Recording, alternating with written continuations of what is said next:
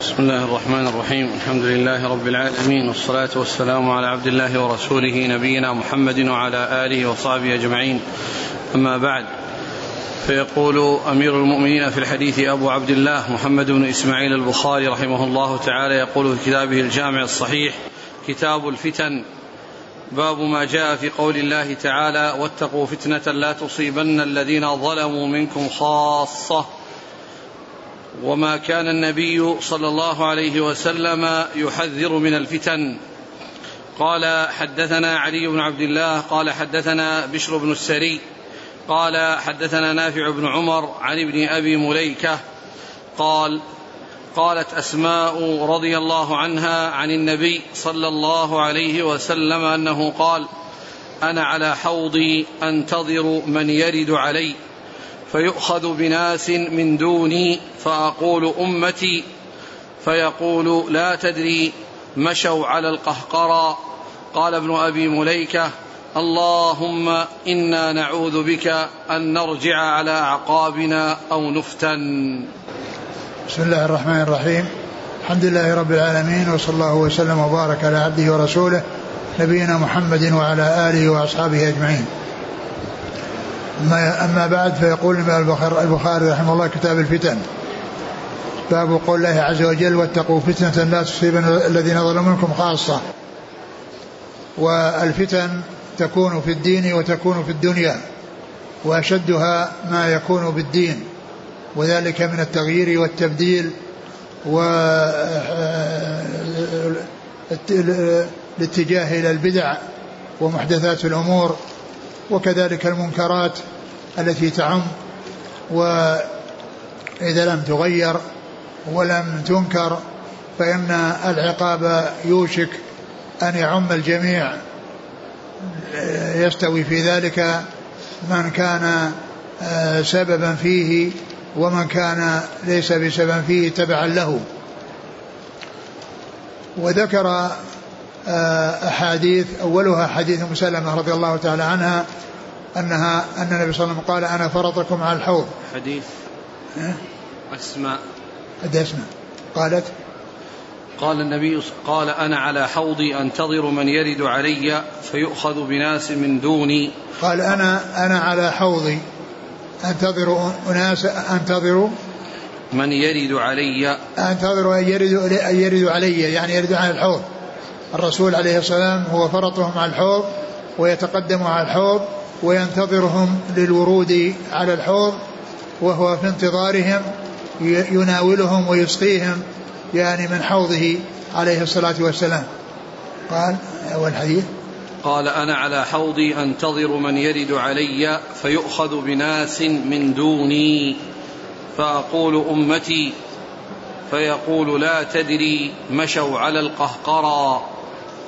قال ابن أبي مليكة اللهم فيؤخذ أناس دونه يعني أنهم يذادون على الحوض وهو يريد أن يسقيهم عليه الصلاة والسلام و فيذادون عنه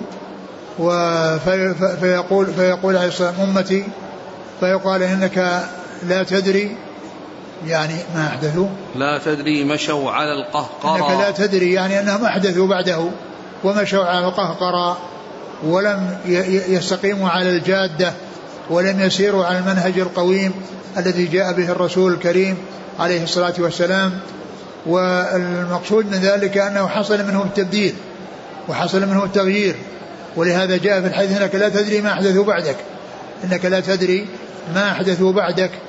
فإذا هذا من الفتن التي تكون في الدين. الفتن وهي أعظم الفتن التي تكون في الدين وهي الإحداث فيه. والانحراف عن الصراط المستقيم الذي جاء به الرسول الكريم عليه الصلاة والسلام فهو يكون على حوضه ينتظرهم فيذادون عنه فيقال فيقول أمتي فيقال إنك لا تدري إنهم رجع إنهم رجعوا القهقرى. إنهم رجعوا إنهم إنهم لا تدري مشوا على القهقرى. مشوا على القهقرى يعني إنهم ما مشوا على الاستقامة. وإنما يعني آآ آآ انحرفوا عن عن طريق الاستقامة ومشوا القهقرى ولم يمشوا على إلى الأمام الذي فيه السلامة وفيه النجاة وهو اتباع كتاب الله وسنة رسوله صلى الله عليه وسلم. نعم. قال. قال ابن أبي مليكة اللهم إنا نعوذ بك أن نرجع على أعقابنا أو نفتن. ثم آه، ذكر هذا الدعاء عن ابن أبي مليكة الذي هو أحد رواة الحديث. الذي هو أحد رواة الحديث. اللهم إنا نعوذ بك أن نرجع على أعقابنا وأن نفتن يعني في ديننا. نعم. قال حدثنا علي بن عبد الله عن بشر بن السري نعم. عن نافع بن عمر عن ابن أبي مليكة عبد الله ابن عبيد, عبيد الله, الله بن أبي مليكة. عن أسماء. أسماء بنت أبي بكر رضي الله عنه قال حدثنا موسى بن إسماعيل قال حدثنا أبو عوانة عن مغيرة عن أبي وائل قال قال عبد الله رضي الله عنه قال النبي صلى الله عليه وسلم أنا فرطكم على الحوض ليرفعن إلي رجال منكم حتى إذا أهويت لأناولهم اختلجوا دوني فأقول أي ربي أصحابي يقول لا تدري ما احدثوا بعدك. ثم ذكر حديث عبد الله بن مسعود رضي الله عنه أن النبي صلى الله عليه وسلم قال أنا فرطكم على الحوض. والفرط هو الذي يعني يتقدم للسقي ويكون على الماء يهيئ يهيئ للشرب منه. فهو عليه الصلاة والسلام فرطهم على الحوض هو الذي تقدمهم ويكون على الحوض ينتظرهم. ثم إنه يختلج يعني أناس فيختلج يعني يذادون ويصرفون ويحال بينه وبينهم فلا يناولهم ولا يحصل منه له منه التمكن لإسقائهم من حوضه صلى الله عليه وسلم.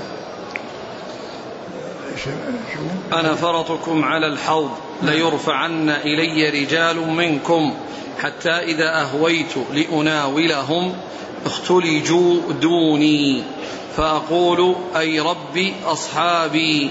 يقول لا تدري ما أحدثوا بعدك. ثم يقول أي ربي أصحابي يعني أنه كان يعرفهم ويعرفونه. فيقول لك لا تدري ما أحدثوا بعدك. يعني وهذا هو السبب الذي جعلهم يختلجون ويجعلهم, ويجعلهم يحرمون من الشرب. قوله أصحابي المقصود بذلك الذين ارتدوا الذي كان يعرفهم ولكن ارتدوا بعده. فلا شك أن هؤلاء لا نصيب لهم لا نصيب لهم في الحوض ولا يشربون من الحوض لأنهم كفروا وارتدوا عن الإسلام. فليس أمامهم إلا النار وليس أمامهم إلا التعذيب بعذاب النار.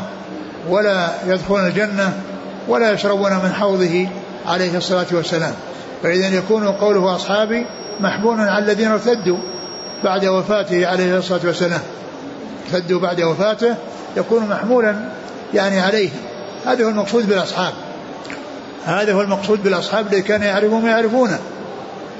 وقوله إنك لا تدري ما احدثوا بعدك يعني هذا يدل على أن النبي صلى الله عليه وسلم في قبره لا يعلم ما يحصل يعني بعده في الأرض وما يحصل بين أصحابه وغيرهم لأنه قيل له إنك لا تدري ما احدثوا بعدك لأنه هو راهم يعني رآهم وعرفهم وقال إنه يريد أن يسقيهم ف وقال أصحابي فقيل إنك لا تدري ما أحدثوا بعدك وهذا يدل على أنه صلى الله عليه وسلم لا يعلم ما يجري بعده عليه الصلاة والسلام ولا يعلم ما يجري بين أمته لأن لأن لأن ذلك لأن لأن لأنه صلى الله عليه وسلم لا يعلم لا يعلم من الغيب إلا ما اطلعه الله عليه في حياته الدنيوية وفي حياته البرزخية عليه الصلاة والسلام.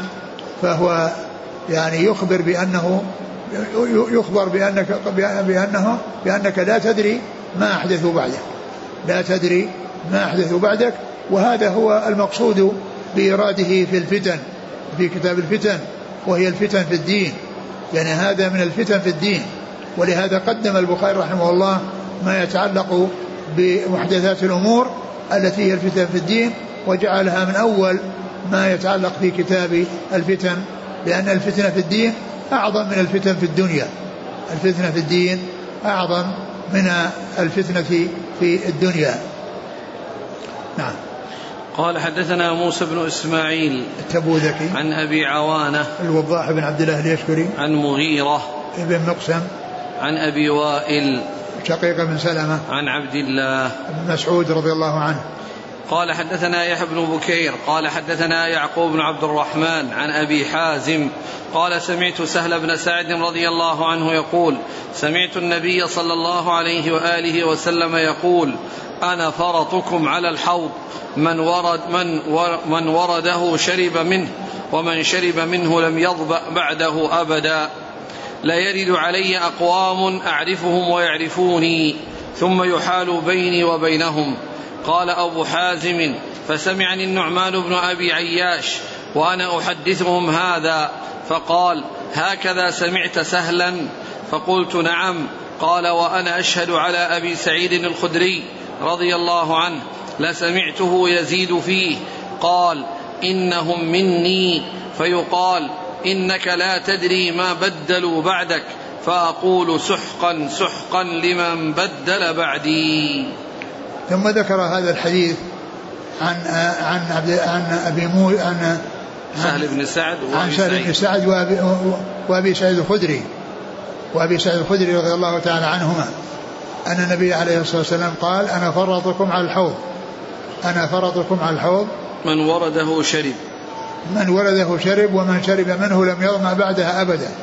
يعني من ورده وشرب منه لم يظمأ بعده ولكن من ورده وحيل بينه وبينه فهذا ما لم لم يظفر إلا بالخيبة والخسران. ولكن الذي ورده وشرب منه هذا لا يظمأ بعدها أبدا لأنه يعني معناه أنه يكون من أهل الجنة. نعم. لا يرد علي أقوام أعرفهم ويعرفوني ثم يحال بيني وبينهم. لا يرد إلي أقوام أعرفهم ويعرفوني. يعني الرسول صلى الله عليه وسلم كان يعرفهم وهم من أصحابه. ولكنهم غيروا وبدلوا بعده فصار حالهم أن حيل بينه وبين الحوض. حيل بينهم وبين شرب الحوض لأنهم ارتدوا عن عن الإسلام. وهذا يعتبر به القلة القليلة الذين ارتدوا بعد وفاة الرسول. عليه الصلاة والسلام. فهذا هو مآلهم وهذه نتيجتهم. وأما أصحابه الكرام رضي الله عنهم وأرضاهم فهم أهل الفضل والإحسان وهم أهل المناقب وأهل الثواب الجزيل والأجر العظيم من الله سبحانه وتعالى. وإنما هذا يختص بأناس قليل من أصحابه حصل منهم التبديل وماتوا على الردة ومنهم من ارتد ورجع إلى الإسلام. ومنهم من ارتد ورجع إلى الإسلام ولكن من مات على الكفر ومات على الردة فهذا هو الذي يعني غير وبدل ويعني آه، وحرم الشرب من من هذا الحوض العظيم الذي من شرب منه لم يظمأ من شرب منه شربة لم يظمأ بعدها أبدا. إيش قال آخرة؟ قال أبو حازم فسمعني النعمان بن أبي عياش نعم. وأنا أحدثه يعني هذا ذكر الحديث الثاني عن أبي سعيد نعم. قال يزيد فيه قال إنهم مني فيقال إنك لا تدري ما بدلوا بعدك فأقول نعم. سحقا سحقا لمن بدل بعدي نعم يقولنا مني يعني أنه يعرفون ويعرفونه ومن أصحابه فيقول سحقا سحقا يعني لمن بدل بعدي يعني كان لا يعلم التبديل وأراد أن يسقيهم ولكنه أخبر بأنهم غيروا وبدلوا فقال سحقا سحقا لمن غير بعدي. وهذا يدل على خطورة المحدث البدع وخطورة المحدثات في الدين. لأن لأن ذلك خروج عن الصراط المستقيم وعن الجادة المستقيمة التي كان عليها الرسول عليه الصلاة والسلام. قال حدثنا يحيى بن بكير نعم. عن يعقوب بن عبد الرحمن نعم. عن أبي حازم وهو سلمة بن دينار. عن سهل بن سعد. نعم. وقال أبو عياش فسمعني النعمان بن أبي عياش نعم. عن أبي سعيد الخدري. نعم. قال رحمه الله تعالى باب قول النبي صلى الله عليه وسلم سترون بعدي أمورا تنكرونها. وقال عبد الله بن زيد قال النبي صلى الله عليه وسلم اصبروا حتى تلقوني على الحوض. قال حدثنا مسدد قال حدثنا يحيى بن سعيد قال حدثنا الأعمش قال حدثنا زيد بن وهب قال سمعت عبد الله رضي الله عنه قال قال لنا رسول الله صلى الله عليه وسلم إنكم سترون بعدي أثرة وأمورا تنكرونها. قالوا فما تأمرنا يا رسول الله؟ قال أدوا إليهم حقهم وسلوا الله حقكم. ثم قال باب قول النبي صلى الله عليه وسلم سترون بعدي أمورا تنكرونها. أثرة؟ ما في أثرة؟ ثم قال لا. نعم. سترى قوله صلى الله عليه وسلم سترون بعدي أمورا تنكرونها. وهذا من أخباره صلى الله عليه وسلم في الأمور المغيبة المستقبلة. التي تقع طبقا لما أخبر به عليه الصلاة والسلام وهذا من من أمور الغيب التي أطلعه الله عليها لأن الله يطلع نبيه صلى الله عليه وسلم على ما شاء من غيبه ولا يطلع على كل الغيوب فإن كل الغيوب لا يطلع عليها إلا الله ومن الأمور المغيبة التي لا يعلمها الرسول صلى الله عليه وسلم قيام الساعة لأنه لا يدري متى تقوم الساعة. ولهذا قال في حديث جبريل مشهور لجبريل ما المسؤول عنها بأعلم من السائل. يعني علم علمي وعلمك فيها سواء أي كلنا لا نعلم ذلك لأن علمها من, من, من, من يختص بالله سبحانه وتعالى. متى تقوم متى تقوم الساعة؟ لا يعلم متى تقوم الساعة إلا الله سبحانه وتعالى. فهو مما اختص به ولم يطلع عليه يعني نبيه صلى الله عليه وسلم ولم يطلع عليه جبريل وإنما اختص به سبحانه وتعالى. إنكم سترون بعدي أمورا تنكرونها. نعم وقال عبد الله بن زيد قال صلى الله عليه وسلم اصبروا حتى تلقوني على الحوض. وقال عبد الله بن زيد رضي الله عنه أن النبي صلى الله عليه وسلم قال اصبروا حتى تلقوني على الحوض. يعني اصبروا على ما يحصل لكم من من من من, من, من الأشياء التي تؤثر عليكم يعني كالأثرة ويعني وكالجور يعني عليكم اصبروا حتى تلقوني على الحوض. نعم. عن عبد الله رضي الله عنه قال قال لنا رسول الله صلى الله عليه وسلم إنكم سترون بعدي أثرة وأمورا تنكرونها. ثم قال ثم قال عبد الله بن مسعود رضي الله عنه أن النبي صلى الله عليه وسلم قال إنكم سترون بعدي أثرة. والأثرة هي الاستئثار يعني بالشيء المشترك. الاستئثار يعني بالمال واستئثار بالولايات وما إلى ذلك سترون بعد أثرة. يعني يقدم غيركم عليكم أو بعض يقدم بعضكم على بعض. فيقدم غيركم عليكم فاصبروا على على هذا ولا يحصل منكم الخروج على الولاة لوجود الاستئثار يعني بالمال أو بالولايات أو بالمناصب وغيرها وإنما عليكم الصبر والاحتساب وتسألون الله عز وجل الذي لكم وتؤدون الذي عليكم كما يعني كما كما في الحديث عن رسول الله. صلى الله عليه وسلم. فإذا الأثرة هي الاستئثار بالشيء المشترك الذي يعني يكون للناس وهم شركاء فيه فيخص به بعضهم دون بعض. فيخص به بعضهم دون بعض. هذه هي الأثرة. كالأثرة في المال والولايات والمناصب هذه هي الأثرة التي جاءت في الحديث. وأمورا تنكرونها وأمورا تنكرونها يعني من الأثرة وغيرها. نعم. قالوا فما تأمرنا يا رسول الله؟ قال أدوا إليهم حقهم وسلوا الله حقكم. قالوا فما تأمرنا عند وجود هذه الأثرة من الولاة بحيث يقدمون ويؤخرون؟ قال أدوا الذي عليكم واسألوا الله الذي لكم.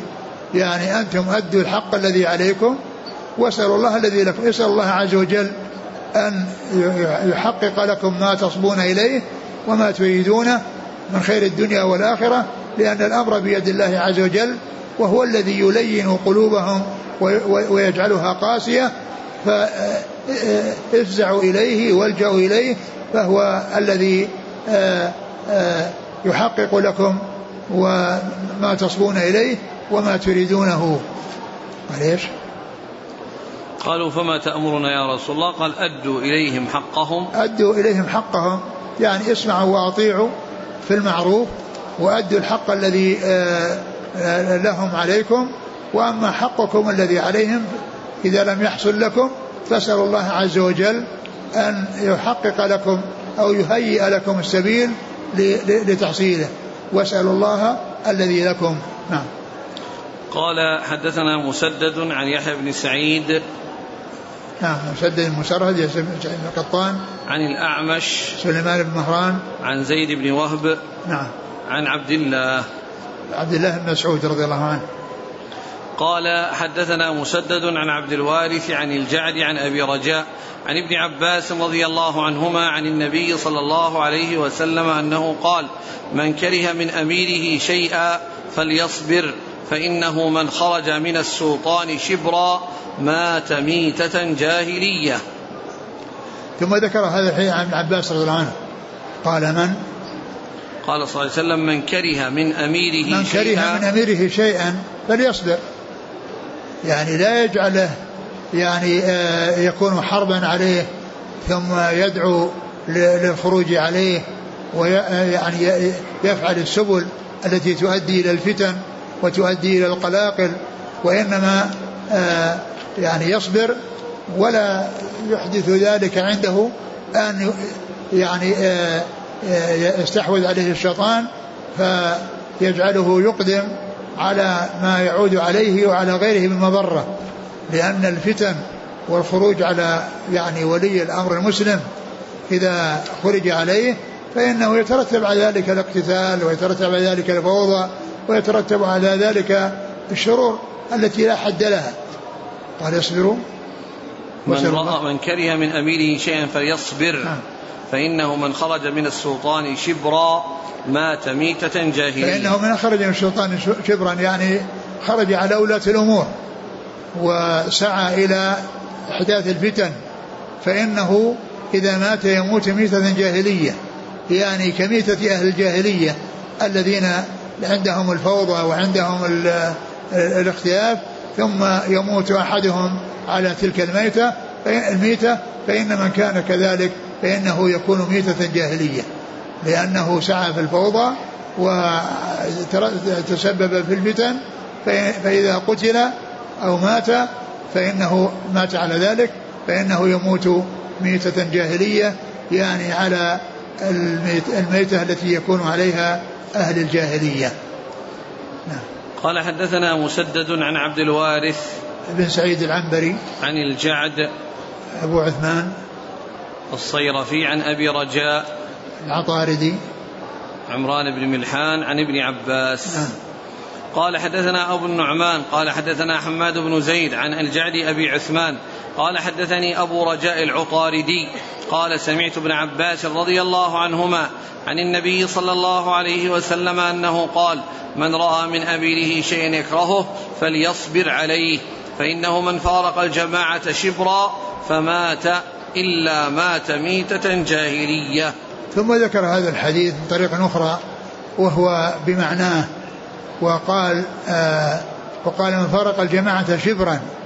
يعني معناه أنه أن أن أي خروج يترتب عليه مضرة ولو كان يسيرا وهو الذي عبر عنه بالشبر فإنه يموت هذه الميتة التي هي مثل الجاهلية الذين يقتل بعضهم بعضا ويهلك بعضهم بعضا. وعندهم الفوضى والاضطراب الذي يعني يأكل فيه القوي الضعيف والذي يكون الانتصار إنما هو لقبيلته سواء كانت على حق أو على باطل. يعني فمن كان على هذه الطريقة فإذا مات فإنه يموت ميتة لميتة أهل الجاهلية. قال حدثنا أبو النعمان. أبو النعمان محمد بن فضل. عن حماد بن زيد عن الجعد أبي عثمان عن أبي رجاء العطاردي عن ابن عباس. أحسن الله إليك. ذكر ذكر الإسناد هذا. الإسناد الثاني وشو حدثنا. الأول. لا الثاني. عن أبي النعمان قال حدثنا حماد بن زيد عن الجعد أبي عثمان قال حدثني أبو رجاء العطاردي قال سمعت ابن عباس. يعني ذكر هذا الإسناد الإسناد الأول في العنعنة الجعد الجعد يقول عن أبي رجاء عن ابن عباس. الأول الإسناد قال حدثنا مسدد عن عبد الوارث عن الجعد عن أبي رجاء عن ابن عباس وعن عن لأن كله في العنعنة ولكن الطريقة الثانية فيه التصريح بالسماع والتحديث في بعضه. نعم. أحسن الله إليك. إذا رأى الشعب من ولي الأمر شيئا يكرهونه فأرادوا أن يعبروا عن ذلك بالاعتصامات والمظاهرات السلمية فقط. هذه من الفوضى. هذه أمور فوضوية وهي كما هو معلوم الذين جربوها وعرفوها يعني يترتب عليها التجاوز وحصول الاقتتال وحصول يعني الإيذاء. من بعضهم إلى بعض وإذا لم يحصل الاقتتال فأقل شيء تضييق على الناس في طرقاتهم وكونهم لا يتمكنون من الخروج لمصالحهم. فهذه كلها أمور مستوردة من أعداء المسلمين آه، تلقفوا تلقفها المسلمون من أعدائهم. نعم.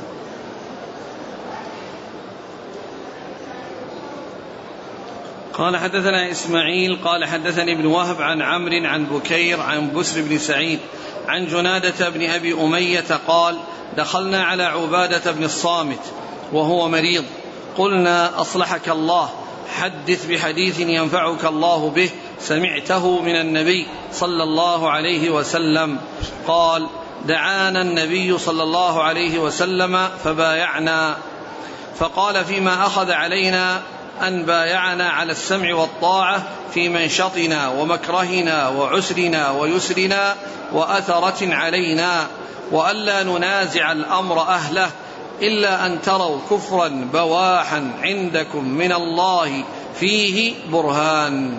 ثم ذكر هذا الحديث عن عبادة بن الصامت. عن عبادة بن الصامت رضي الله عنه قد جاءوا إليه أو جاء إليه جماعة وهو مريض فقالوا أصلحك الله حدثنا بحديث عن رسول الله عليه الصلاة والسلام ينفعك الله به يعني ينفعك الله بتحديثه وبتبليغه لأن من دل على خير فله مثل أجر فاعله. فقال إن النبي صلى الله عليه وسلم دعانا وقال وقال لنا بايعوني. فبايعنا فقال فيما أخذ علينا أن بايعنا على السمع والطاعة. بايعنا فكان مما أخذ علينا أي عند البيعة السمع والطاعة. أي السمع والطاعة للولاة الأمور ولكن في المعروف. فإذا أمر بالمعروف يسمع لهم ويطاع وإذا أمروا بالمعصية لا سمع ولا طاعة. وأما فيما يتعلق بالخروج فإنه لا يجوز الخروج لأن الخروج يترتب عليه أضرار لا حد لها ولا يسوق الخروج إلا إذا وجد كفر بواح عندهم عند واضح عند الناس فيه من الله برهان بأنه كفر ولا يحتمل التأويل فعند ذلك يجوز الخروج ولكن إذا علم بأن بأنهم يتخلصون من الكافر الواضح الكفر عند ذلك يسوق الخروج عليه. وأما إذا كان الخروج يترتب عليه إفناء الخارجين من المسلمين ويبقى الكافر في مكانه فهذا ليس فهذا ليس من الحكمة وليس من المصلحة ولا فائدة فيه. بل المضرة فيه محققة. فإذا الخروج يكون يعني إذا كان كافرا واضح الكفر عند تحقق القدرة على التخلص منه والقضاء عليه. أما إذا كان الخارجي الخارجون قلة قليلة والكافر ذو شوكة فيقضي عليهم ويستأصلهم فأي فائدة استفادوها من هذا الخروج؟ خرجوا فأهلكوا السمع على السمع والطاعة في منشطنا ومكرهنا وعسرنا ويسرنا. يعني في جميع أحوالنا في المنشط في الشيء الذي ينشطون إليه ويجدون رغبة في نفوسهم يعني يفعلوه ومكرهنا يعني الشيء الذي يعني يكرهون فعله. يعني في شيء ينشطون لفعله ويرغبون فعله وشيء يكرهون فعله. فهم يسمعون ويطيعون في هذا وفي هذا. وكذلك في عسرنا ويسرنا. في حال عسرهم وفي حال يسرهم يعني يسمعون ويطيعون بالمعروف. نعم.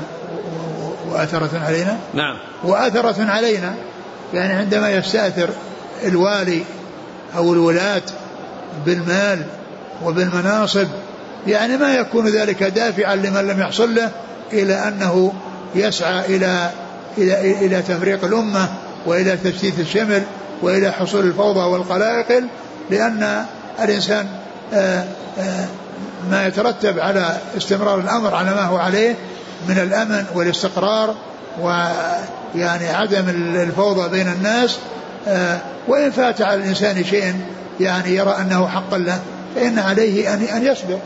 ولا يكون ذلك يعني كونه استؤثر عليه بالمال أو بالمناصب أو بالولايات الولايات لا تكفي لكل أحد.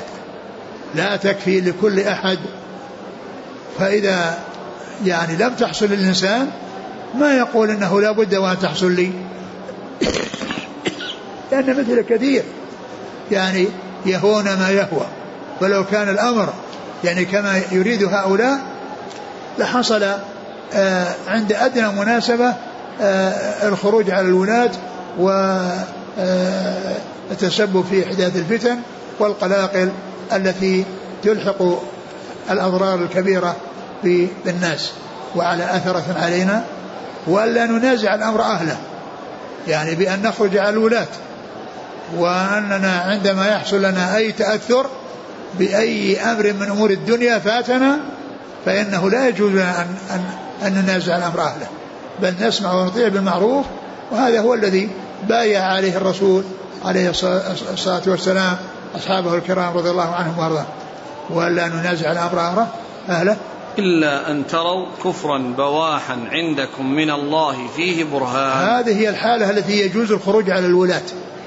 إذا كان الولي يعني ظهر منه كفر ورد عن الإسلام وحصل منه كفر واضح لا إشكال فيه فعند ذلك يعني يجوز الخروج ولكن كما قلت إذا تحقق التخلص منه. أما كون الذين يخرجون عليه يعني ضعف وليس عندهم قوة وإن والوالي صاحب شوكة الذي هو الكافر فيستأصلهم ويقضي عليهم فهذا ليس من الحكمة. نعم. قال حدثنا إسماعيل ابن أبي ويش؟ عن ابن وهب عبد الله بن وهب. عن عمرو عمرو بن الحارث عن بكير بن عبد الله بن الأشج. عن بسر بن سعيد عن جناد بن أبي أمية عن عبادة بن الصامت. نعم. قال حدثنا محمد بن عرعرة قال حدثنا شعبة عن قتادة عن أنس بن مالك عن أسيد بن حضير رضي الله عنهم أن رجلا أتى النبي صلى الله عليه وسلم فقال يا رسول الله استعملت فلانا ولم تستعملني. قال إنكم سترون بعدي أثره فاصبروا حتى تلقوني. ثم ذكر حديث سيد بن حضير أن رجلا جاء النبي صلى الله عليه وسلم وقال إنك استعملت فلان ولم تستعملني. فقال عليه والسلام إنكم سترون بعدي أثره. يعني هذا الذي حصل مني ليس من هذا القبيل الذي فيه استئثار وإنما يعني شيء آه، رأى فيه المصلحة أنه يولي فلان. أنه يولي فلان هذه الولاية. ف ف فما أرشدهم إليه الرسول صلى الله عليه وسلم مما يعني يحصل في المستقبل. وإلا فإنه عليه الصلاة والسلام لا يحصل من الاستئثار. وإنما يولي من رأى المصلحة في توليته وكذلك يعطي يعني من يرى المصلحة في إعطائه و وهو على حق في كل ما يفعل لأنه الذي لا ينطق عن الهوى عليه والسلام وهو المعصوم صلوات الله وسلامه وبركاته عليه. وأما غيره فليس كذلك. فليس كذلك. ومن حصل له يعني أو استئثار أو لم لم يحصل له شيء من الدنيا لا من المال ولا من المناصب فإن عليه أن يصبر. فإن عليه أن يصبر ولا يفعل شيئا يترتب عليه فتن للمسلمين. نعم. قال حدثنا محمد بن عرعرة نعم. عن شعبة عن قتادة عن أنس بن مالك عن أسيد بن حضير. نعم. يقول السائل إذا أيقن الخارجون الاستطاعة في تغيير الفاسق فهل لهم فعل, فعل ذلك؟ لا أبدا لا يجوز لأن النبي قال إلا أن تروا كفرا بواحا عندكم فيه من الله برهان. إذا أمر الوالي بمعصية فلا طاعة له. نعم. يقول مطلقا. ليس المقصود عدم الطاعة في تلك المعصية. لا المقصود المقصود أنه لا طاعة له في المعصية التي أمر بها. إذا أمر بمعصية لا يسمع له في هذه المعصية. ولكن يسمع له يطيع في غير المعصية. ما حد القدرة؟ القدرة قلنا. نقول يجوز الخروج على الحاكم القدرة الكافر. قلنا الذين يعني يعرفون أنهم عندهم شوكة وعندهم تمكن من التخلص منه هؤلاء هم الذين يخرجون إذا عرفوا ما عندهم وما عنده. أما يعني كونهم آه، ليس عندهم قدرة فلا يترتب على خروجهم على الكافر إلا إفناؤهم وبقاء الكافر في مكانه. القول بأنه سيقتل الثلثين. ثلثاء الشعب سيقتل. مع تغيير الكافر. يعني لا لا يقال هذا. أقول لا يقال هذا وإنما يعني إذا كان لأن إذا كان قتل الثلثين وقتل الأكثر يعني ليس هذا ليس هذا من المصلحة. قال رحمه الله تعالى باب قول النبي صلى الله عليه وسلم هلاك أمتي على يدي أغيلمة سفهاء. قال حدثنا موسى بن إسماعيل قال حدثنا عمرو بن يحيى بن سعيد بن عمرو بن سعيد قال أخبرني جدي قال كنت جالسا مع أبي هريرة رضي الله عنه في مسجد النبي صلى الله عليه وسلم بالمدينة ومعنا مروان. قال أبو هريرة سمعت الصادق المصدوق يقول هلكت أمتي على يدي غلمة من قريش. فقال مروان لعنة الله عليهم. غلمة؟ فقال أبو هريرة لو شئت أن أقول بني فلان وبني فلان لفعلت. فكنت أخرج مع جدي إلى بني مروان حين ملكوا بالشام فإذا رآهم غلمانا أحداثا قال لنا عسى هؤلاء أن يكونوا منهم. قلنا أنت أعلم. ثم قال باب هلاك؟ قول النبي صلى الله عليه وسلم هلاك أمتي على يدي غيلمة سفهاء. آه، باب قول النبي صلى الله عليه وسلم هلاك أمتي على يد أغيلمة سفهاء. آه آه هذه الترجمة هي يعني جزء من الحديث الذي أورده وهو أن أن عن أبي هريرة رضي الله عنه قال قال قال قال كنا مع أبي هريرة في مسجد النبي صلى الله عليه وسلم ومعه مروان. قال أبو هريرة سمعت الصادق المصدوق. من هو اللي أول الحديث سعيد بن عمرو بن سعيد. نعم سعيد بن عمرو بن سعيد. يقول كنت جالسا مع أبي هريرة في مسجد النبي نعم. صلى الله عليه وسلم. نعم. ومعنا مروان. قال أبو هريرة سمعت الصادق المصدوق يقول هلكت أمتي على يدي غلمة من قريش. فقال مروان قال قال صلى الله عليه وسلم يقول هلاك أمتي على يدي غلمة على يدي من قريش. غلمة من قريش. غلمة يعني جمع جمع الغلمان وفي بعضها أغيلمة وتصير الغليم الذي هو يعني تصير غلام. يعني فالغليم تصير غلام والأغيلمة تصير الغليم. وهذا فيه يعني بيان يعني آه يعني تحقيرهم والحط من شأنهم وأنه يحصل بسببهم الشر ويحصل بسببهم الضرر والأضرار الكبيرة ف فالغيلمة جمع جمع غليم و و قال أبو هريرة رضي الله عنه قال يقول صلى الله عليه وسلم هلكت أمتي على يدي غلمة من قريش نعم. فقال مروان لعنة الله عليهم غلمة فقال أبو هريرة لو شئت أن أقول بني فلان وبني فلان لفعلت. يعني أبو هريرة يعني رضي الله عنه يعرف يعني أسماءهم ولكنه ما رأى, ما رأى من المصلحة أن يبوح بذلك لما يخشى ما يترتب عليه من الفتن و, و, و ولم يكن الإخبار بهم بأمر لازم لأن المقصود يعني هو ما جاء في الحديث وأما تعيين الأشخاص اللي يحصل منهم هذا فهذا يعني يكني عنهم.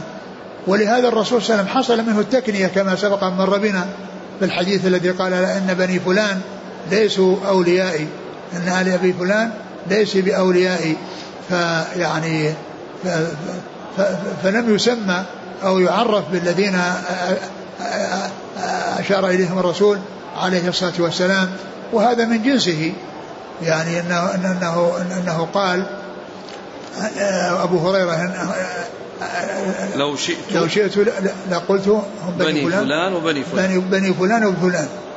وقد سبق أن مر في حديث عن أبي هريرة أنه قال حفظت جرابين فبث أحدهما ولم يبث الثاني وقال لو بثته لقطع هذا البلعوم لقطع هذا البلعوم.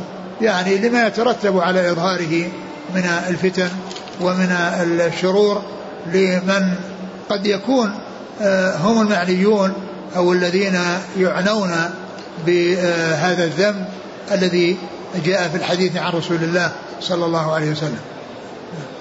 قال فكنت أخرج مع جدي إلى بني مروان حين ملكوا الشام فإذا رآهم غلمانا أحداثا قال لنا عسى هؤلاء أن يكونوا منهم.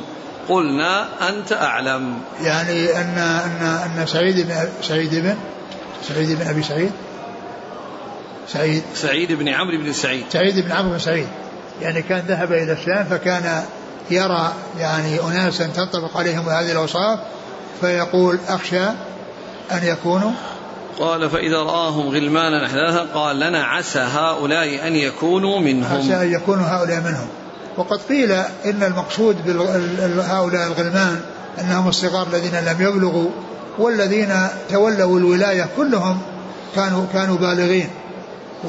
فقيل إنه يحتمل أن يكون هؤلاء الذين عنوا اناسا يعني ولوا ولاية خاصة يعني دون الولايات العامة بأن يكونوا أمراء على مناطق أو أو على مدن أو على قرى أو ما إلى ذلك فيكون يعني المقصود بالغيلمه وأنهم صغار أنهم ليسوا هم الولاة أنفسهم وإنما من يوليهم الولاة وهم وهم من الصغار الذين لا يتقنون الأمور ولا يحصل يعني على أيديهم الخير والنفع والفائدة. قال حدثنا موسى بن إسماعيل عن عمرو بن يحيى بن سعيد بن عمرو بن سعيد نعم. عن جده نعم. سعيد بن عمرو بن سعيد نعم. عن أبي هريرة نعم. قال رحمه الله تعالى باب قول النبي صلى الله عليه وسلم ويل للعرب من شر قد اقترب قال حدثنا مالك بن إسماعيل قال حدثنا ابن عيينة أنه سمع الزهري عن عروة عن زينب بنت أم سلمة عن أم حبيبة عن زينب بنت جحش رضي الله عنهن أنها قالت استيقظ النبي صلى الله عليه وسلم من النوم محمرا وجهه يقول لا إله إلا الله ويل للعرب من شر قد اقترب فتح اليوم من ردم يأجوج ومأجوج مثل هذه وعقد سفيان تسعين أو مئة قيل أنهلك وفينا الصالحون؟ قال نعم إذا كثر الخبث. ثم ذكر باب قوله صلى الله عليه وسلم ويل للعرب من شر قد اقترب. ويل للعرب من شر قد اقترب. وذكر حديث زينب بنت جحش رضي الله عنها أن النبي صلى الله عليه وسلم قال دخل علي. استيقظ النبي صلى الله عليه وسلم من النوم مح استيقظ من النوم محمرا وجهه. محمر وجهه فزعا وقال ويل للعرب من شر قد اقترب. وخص العرب لأنهم هم, هم الذين الذين بعث فيهم الرسول صلى الله عليه وسلم وهم الذين أول من دخل في الإسلام وهم الذين يعني آه، الأكثرية في ذاك الوقت يعني الذين من دخل في الإسلام. و ويل للعرب من شر قد اقترب. ثم ذكر فتح اليوم من ردم يأجوج ومأجوج. مثل هذه وعقد تسعين أو مئة. وعقد تسعين أو مئة. فيعني لما قال اللي آه، عقد منه سفيان. نعم. نعم. نعم عقد, عقد سفيان. تسعين أو مئة. والعقود المقصود بها يعني هيئات في الأصابع واليدين أصابع اليدين يعرف بها الأعداد. تواطأ العرب عليها واصطلحوا عليها فكان يعني بدل ما يتكلم بمبالغ معينة يشير بيده فيفهم صاحبه فيفهم صاحبه الذي يشير له المقصود من العدد. ولهذا وهذا شيء معروف. والنبي صلى الله عليه وسلم يعني كان يعني أيضا جاء عنه كما في الحديث الذي آه يعني الحديث الذي ورد في آه التشهد وأن الرسول عليه الصلاة والسلام إذا كان في التشهد وضع كفه اليسرى على ركبته اليسرى وعقد يعني الإصبع والسبابة والوسطى وعقد ثلاثا وخمسين وعقد ثلاثا وخمسين يعني يحكي الرسول فعل هكذا عقد ثلاثا وخمسين ويعني وهذا إشارة إلى ما اصطلحوا عليه في العدد. والأعداد آه، أو طريقة الأعداد ذكرها العلماء فذكر الصنعاني في كتابه سبل السلام عند شرح هذا الحديث الذي في التشهد ذكر الطريقة التي فيها الأعداد يعني من أولها إلى آخرها يعني الآحاد والعشرات والمئات والألوف كل هذه يعني ذكرها التي اصطلحوا عليها. والحافظ بن حجر رحمه الله ذكر هذا الحديث في موضعين متقدمين وفي موضع في آخر كتاب الفتن وفي آخر كتاب الفتن ذكر جملة من من من الأعداد التي يعني تعرف بالإشارة. ذكر جملة من الأعداد ولكن الصنعاني ذكرها كلها. يعني جميعها ذكرها عند شرح هذا الحديث. وقد قيل إنه كيف يعني يفعل الرسول صلى الله عليه وسلم يعني هذا الشيء وأن يحصل منه يعني هذا الفعل هذا العدد. والرسول قال قال إن أمة أمية لا نكتب ولا نحسب. فيعني فلا تعارض بين هذا وذاك. لأن المقصود بالحساب هو الحساب الذي يعني آه، الذي هو علم مخصوص. وأما اصطلاحات خاصة بين العرب يعرفها العام والخاص ويعرفونها بالإشارة فهذا لا لا ينافي قوله إن, أم إن أمة أمية لا نكتب ولا نحسب لأن هذا شيء وهذا شيء. والرسول فعل هذا وحصل منه هذا وعلم هذا كما علمه الخاص والعام عند العرب وكانوا يتعاملون به وبدل ما ينطقون يعني يشير بالإشارة إلى العدد الذي يريد يشير بالإشارة إلى العدد الذي الذي يريد. الحاصل أن أنه لا تنافي بين ما جاء من كون الرسول قال إن أمة أمية لا نكتب ولا نحسب وبين هذا الحديث الذي قال فيه أنه عقد ثلاثا وخمسين أنه عقد يعني ثلاثا وخمسين. إيش قال؟ هنا عقد تسعين أو مئة. لا هناك ثلاثة وخمسين اللي في الحديث اللي اللي في, اللي في, اللي في البلوغ. الرسول عقد ثلاثة وخمسين. أما الذي معنا الذي عقده هو سفيان أحد رواة الحديث. تسعين أو مئة. نعم قال أنا قيل أنهلك وفينا الصالحون؟ قال نعم إذا كثر الخبث. قال نهلك وفينا الصالحون؟ قال نعم إذا كثر الخبث. ولكن يعني كما هو معلوم كل يعني يحشر على على ما هو عليه. يعني ولكن الهلاك يحصل و ومن كان لم يحصل يأمر بالمعروف وينهى عن المنكر فإنه يناله يعني بمشيئة الله إذا شاء الله ما يستحقه من العذاب لعدم إنكاره المنكر نعم. قال حدثنا مالك بن إسماعيل نعم عن ابن عيينة عن الزهري عن عروة عن زينب بنت أم سلمة نعم. عن أم حبيبة عن زينب بنت جحش إسناد واحد هنا نعم. كم كم رجال الإسناد؟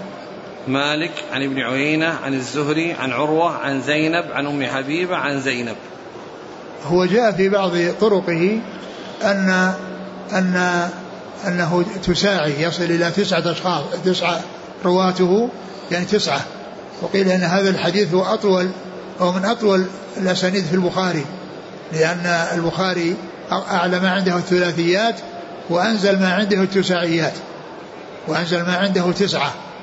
يعني وهذا في بعض طرقه عند البخاري أنه تسعة. وقد جاء في صحيح مسلم زيادة حبيبة بنت أم حبيبة. يعني فزوجتان للرسول صلى الله عليه وسلم وربيبتان للرسول عليه السلام وكلهما بإسناد واحد. يعني أربع صحابيات جاء في إسناد واحد وهنا عندنا ثلاث. يعني ثلاثة من ثلاث صحابيات وعند مسلم زيادة آه، زينب بنت أم سلمة تروي عن زينب بنت أم حبيبة فهما ربيبتان وزوجتان. يعني كلهما في إسناد في إسناد في إسناد هذا الحديث. ولكنه في عنده عند البخاري في بعض طرقه في صحيحه رجاله تسعة يعني من الرجال والنساء وهو أنزل إسناد عند البخاري. قال حدثنا أبو نعيم قال حدثنا ابن عيينة عن الزهري قال وحدثني محمود قال أخبرنا عبد الرزاق قال أخبرنا معمر عن الزهري عن عروة عن أسامة بن زيد رضي الله عنهما أنه قال أشرف النبي صلى الله عليه وسلم على أطم من آطام المدينة فقال هل ترون ما أرى؟ قالوا لا. قال فإني لأرى الفتن تقع خلال بيوتكم كوقع القطر. ثم ذكر هذا الحديث عن أسامة بن زيد. أسامة بن زيد رضي الله تعالى عنهما أن النبي صلى الله عليه وسلم قدم المدينة فأشرف فأشرف أشرف النبي صلى الله عليه وسلم على أطم من أطام المدينة أشرف على أطم من أطام المدينة. يعني أطم هو الحصن. يعني فقال فقال هل ترون ما أرى؟ قالوا لا. هل ترون ما أرى؟ قال قالوا لا. يعني أنهم يرون ما يرون الذي رآه رسول الله صلى الله عليه وسلم. قال إني لأرى الفتن تقع خلال بيوتكم. إني لأرى الفتن تقع خلال بيوتكم. كوقع القطر. كوقع, كوقع القطر. يعني أنها يعني توجد بين بيوتكم كوقع القطر الذي ينزل من السماء ويصيب يعني هذه ال يعني هذه يعني هذه المناطق كلها يعني يعمها فكذلك الفتن يعني تعم وتنتشر وتكون مثل وقع القطر يعني في, في, في الأرض أو في المدينة. نعم. قال حدثنا أبو نعيم الفضل بن دكين. عن ابن عيينة عن الزهري. قال وحدثني محمود محمود بن غيلان. عن عبد الرزاق بن همام عن معمر بن راشد. عن الزهري عن عروة عن أسامة بن زيد. نعم. قال رحمه الله تعالى باب ظهور الفتن. والله تعالى أعلم وصلى الله وسلم وبارك على عبده ورسوله نبينا محمد وعلى آله وأصحابه أجمعين. جزاكم الله خيرا وبارك الله فيكم. ألهمكم الله الصواب ووفقكم للحق. شافاكم الله وعافاكم ونفعنا الله ما سمعنا. غفر الله لنا ولكم وللمسلمين أجمعين. آمين آمين. يقول السائل هل من بدل وغير يدخل ضمن الأصحاب حتى وإن كان لم يرى النبي صلى الله عليه وسلم. الصحابة هم الذين رأوا النبي صلى الله عليه وسلم. الصحابة هم الذين رأوا النبي صلى الله عليه وسلم. تعريف الصحابي يعني ذكر الحافظ بن حجر في نخبة الفكر قال الصحابي هو من لقي النبي صلى الله عليه وسلم مؤمنا به ومات على الإسلام ولو تخللت ردة في الأصح. الصحابي من لقي النبي صلى الله عليه وسلم فعبر باللقي ما قال من رآه لأنه يدخل تحته الأعمى الذي لا يرى ولكنه يشمل اللقي لأن التعبير باللقي يدخل الأعمى وغير الأعمى والتعبير بالرؤية يعني يخرج الأعمى. فإذا حصل التعبير بهذا اللفظ الذي يشمل الاثنين من لقي النبي صلى الله عليه وسلم ثم مقيد قال مؤمنا به. ومات على الإسلام. يعني فلو أنه آه يعني لقي النبي صلى الله عليه وسلم لقي النبي صلى الله عليه وسلم وهو كافر ثم بعد ذلك يعني آمن فإنه يعني لا يكون آه مؤمن لا يكون صحابي لأن الصحابي لقيه هو مسلم مؤمن به عليه عليه الصلاة والسلام. وأيضا بأن يموت على الإسلام لأنه لو يعني آه أسلم لو دخل في, في, في, في الإسلام ثم ارتد عن الإسلام ومات فإنه لا يقال له صحابي لكن إذا رجع إلى الإسلام ارتد عن الإسلام ورجع إليه ففيه قولان للعلماء. أشار الحافظ بن حجر إلى أن صحهما أنه يعتبر صحابيا لأنه وجد من كان كذلك وقبل وقبلت أحاديثه واعتبرت أحاديثه ممن دخل ممن ارتدوا عن الإسلام ورجعوا إليه. من ارتدوا الإسلام ورجعوا إليه لم يزل عنهم وصف الصحبة. ولهذا قال ولو تخللت ردة في الأصح. يعني لأن تخلل الردة يعني فيه قولين لأنه ارتد ورجع إلى الإسلام ومات على الإسلام فتخلل الردة هذا هو الذي جعل فيه الخلاف. وأما إذا ارتد ومات على الكفر فهذا يعني هذا كافر. ولكن الخلاف في من ارتد ورجع إلى الإسلام ومات على الإسلام. الصحابي من لقي النبي صلى الله عليه وسلم مؤمنا به ومات على الإسلام ولو تخللت ردة في الأصح. و وأما الذين يعني كانوا في زمن النبي صلى الله عليه وسلم ولم ولم يروه فهؤلاء ولم يلقوه لا يقال لهم صحابة. وهؤلاء يقال لهم المخضرمون الذين أدركوا الجاهلية والإسلام ولم يلقوا النبي صلى الله عليه وسلم. ومن هؤلاء آه، أبو وائل ومنهم قيس بن أبي حازم ومنهم يعني آه، آه، المعرور بن سويد وسويد بن غفلة وعدد يعني كلهم يعني دخلوا يعني يشملهم وصف المخضرمين الذين أدركوا الجاهلية والإسلام ولم يلقوا النبي صلى الله عليه وسلم. ولهذا يعني كان الصنابحي الذي كان جاء من اليمن ليلقى النبي صلى الله عليه وسلم ويعني يؤمن به يعني كان في الجحفة فجاءه الخبر أو لقيه ناس يعني في الجحفة جاء من المدينة وأخبروه بأن النبي قد توفي. فهذا يعني جاء ليلقى الرسول صلى الله عليه وسلم ولكنه يعني لم يلقه لأن الرسول توفي قبل أن يصل المدينة. وفيه أو فيهم من جاء إلى النبي صلى الله عليه وسلم بعدما توفي فقالوا فيه كاد أن يكون صحابيا. كاد أن يكون صحابيا. ما بينه وبين الصحبة شيء. ليس بينه وبين الصحبة شيء. نعم. يقول هل صحيح أن بعض العلماء ذكروا أهل البدع كالخوارج والروافض والمعتزلة في من يدخل تحت هذا الحديث إنك لا تدري ما أحدثوا بعدك؟ لا شك هؤلاء يعني آه، يدخلون لكن الكلام على الحديث الذي فيه ذكر الصحابة يعني يعني هذا خاص بأصحابه. وأما الذين غيروا وبدلوا ولم يكونوا في زمانه صلى الله عليه وسلم فلا شك أنهم داخلون. الأحاديث اللي جاءت في التغيير والتبديل فيه نص على يعني فيها بعضها نص عن الصحابة والمقصود من ذلك الذين ارتدوا وماتوا على الردة بلا شك. يعني هؤلاء آه الرسول قال أعرفهم ويعرفوني وقال يعني إن أصحابي فيقال أنك لا تدري ما أحدث بعدك فأقول سحقا سحقا لمن بدل بعدي.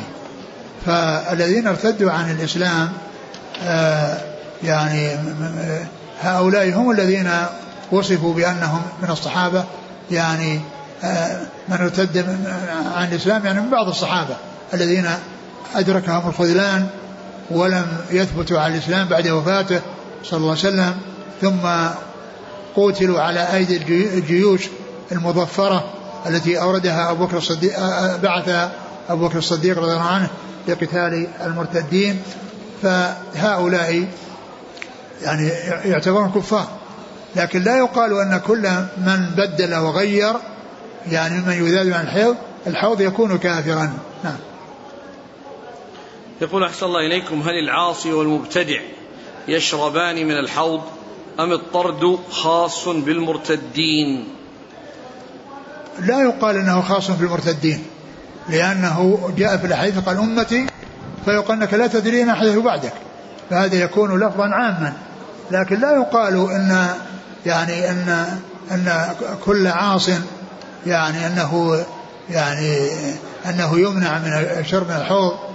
لأن يعني بعض المعاصي يعني قد تكفرها يعني تكفرها الأعمال الصالحة ويعني فليس كل من وجد منه معصية أنه لا يرد الحوض لأن من من الذي يسلم من المعاصي؟ يعني يعني الذي يسلم من المعاصي هم القليلون. نعم. يقول أحسن الله إليك هل الفتن التي كوقع القطر ممكن أن تنطبق على التلفزيونات والدشوش في زماننا هذا؟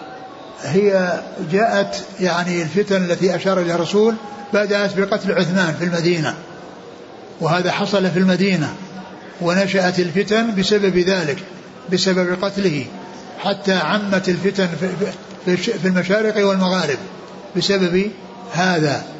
وهذا فيه إشارة إلى حصول يعني هذه الفتن التي بدأت بمقتل عثمان رضي الله عنه في نفس المدينة رضي الله عنه وأرضاه. أما يعني هذه الدشوش التي أدخلت يعني في في في في, في, في البلاد المختلفة وهي آه، آه، يدخل من خلالها إلى بيوت الناس أو قاذورات العالم وأوساخ العالم. يعني من الكفار وغير الكفار لا شك أن هذا من أعظم البلاء وأعظم المصائب ولا شك أن أن هذا من الإحداث في الدين ومن أعظم الإحداث في الدين. يقول أحسن الله إليكم هل يلحق بالخروج على ولاة المسلمين من يحرض على الخروج قولا دون المباشرة؟ لا شك. الذي يحرض الذي يحرض يعني هو يعني هذا الخروج بسببه. الخروج بسببه.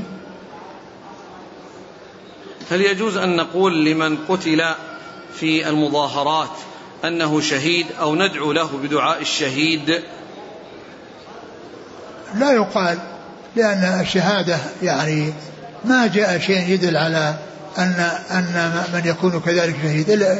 الشهداء جاء يعني الذي في الغرق والذي في الهدم والذي في المطعون والمبطون وما جاء شيء يعني أشياء أخرى.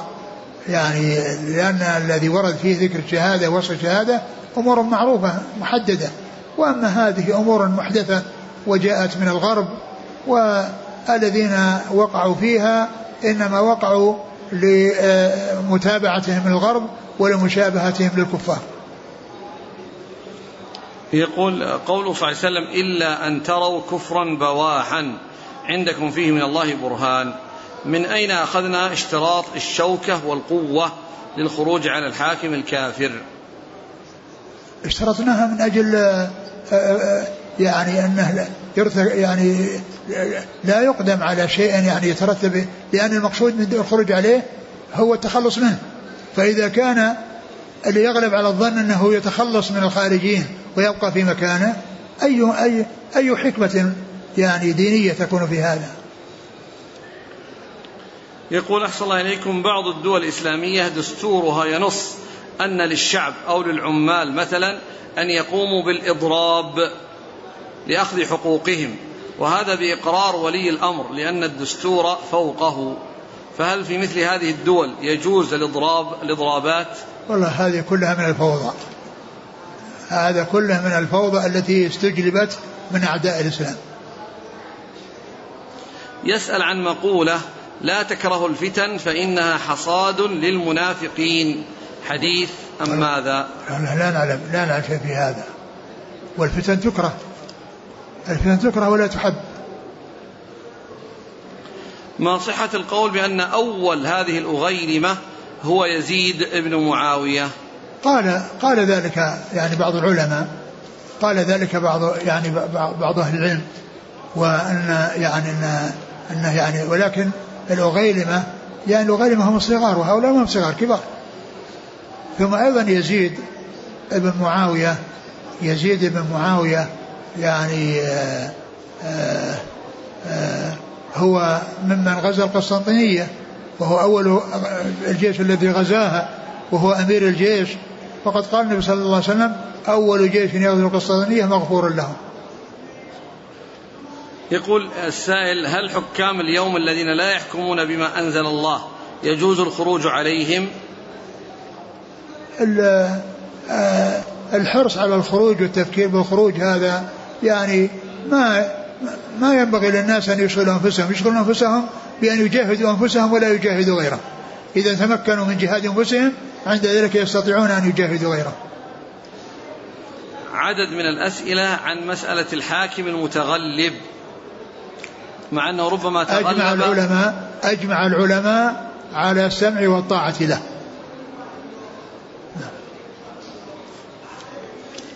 هذا سؤال عن الأضحية. يقول رجل عنده ماعز يريد أن يضحي به وقد بلغ سنة كاملة ولكنه لم يسقط شيء من أسنانه. لا فهل يجوز إذا إذا كمل سنة يضحى به يقول لا يشترط لابد يسقط شيء من أسنانه حتى أضحي به. لا ليس بلازم. إذا إذا أكمل أكمل السنة الأولى ودخل في السنة الثانية خلاص يضحى به يقول هل يجوز الأكل مع من يعتقد بأن الأئمة يعلمون الغيب؟ لا يجوز مجالستهم ولا يعني مصاحبتهم بل يفر منهم ويبتعد الإنسان منهم وفي ذلك السلامة والنجاة فضيلة الشيخ يوجد عندنا في الرياض مقابر كبيرة في أحد زواياها سكن لحارس المقبرة مع أهله فهل لهم أن يصلوا في سكنهم لبعدهم عن المساجد والسكن في المقبرة؟ في زاوية من زواياها. في داخل المقبرة؟ والله إذا كان ما كان في داخل جدر المقبرة يقال لها مقبرة. ما كان في داخلها وأما إذا كان خارجها فهذا يعني لا يقال له مقبرة. في الحديث من أنكر فقد برئ ومن سكت فقد سلم. ما الفرق بين برئ وسلم؟ من إيش؟ ما الفرق بين برئ وسلم. وسيأتي. لأن الحديث هنا سيأتي ولكن رضي وتابع نعم. يقول أنا مسافر صليت الظهر هنا والعصر في قبى قبل دخول وقت العصر بعشرين دقيقة. فهل يصح ذلك؟ الصلاة لا يجوز أن تقدم على وقتها. لأنه يعني يسويها جمع لكن جمع مع التفرقة. لا لا ما هذا ليس الظهر هنا. هذا ليس بجمع. أقول هذا ليس بجمع يقول بارك الله فيك أنا رجل ثري غني. بينما عليه أن يعيد الصلاة. ها. يقول أنا رجل ثري غني والحمد لله أخرج الزكاة. فهل يجوز لي أن أخرج زكاتي عبارة عن مباني وعمائر؟ بمعنى أبني شقق وأعطيها للفقراء والمساكين بدلا عن النقود.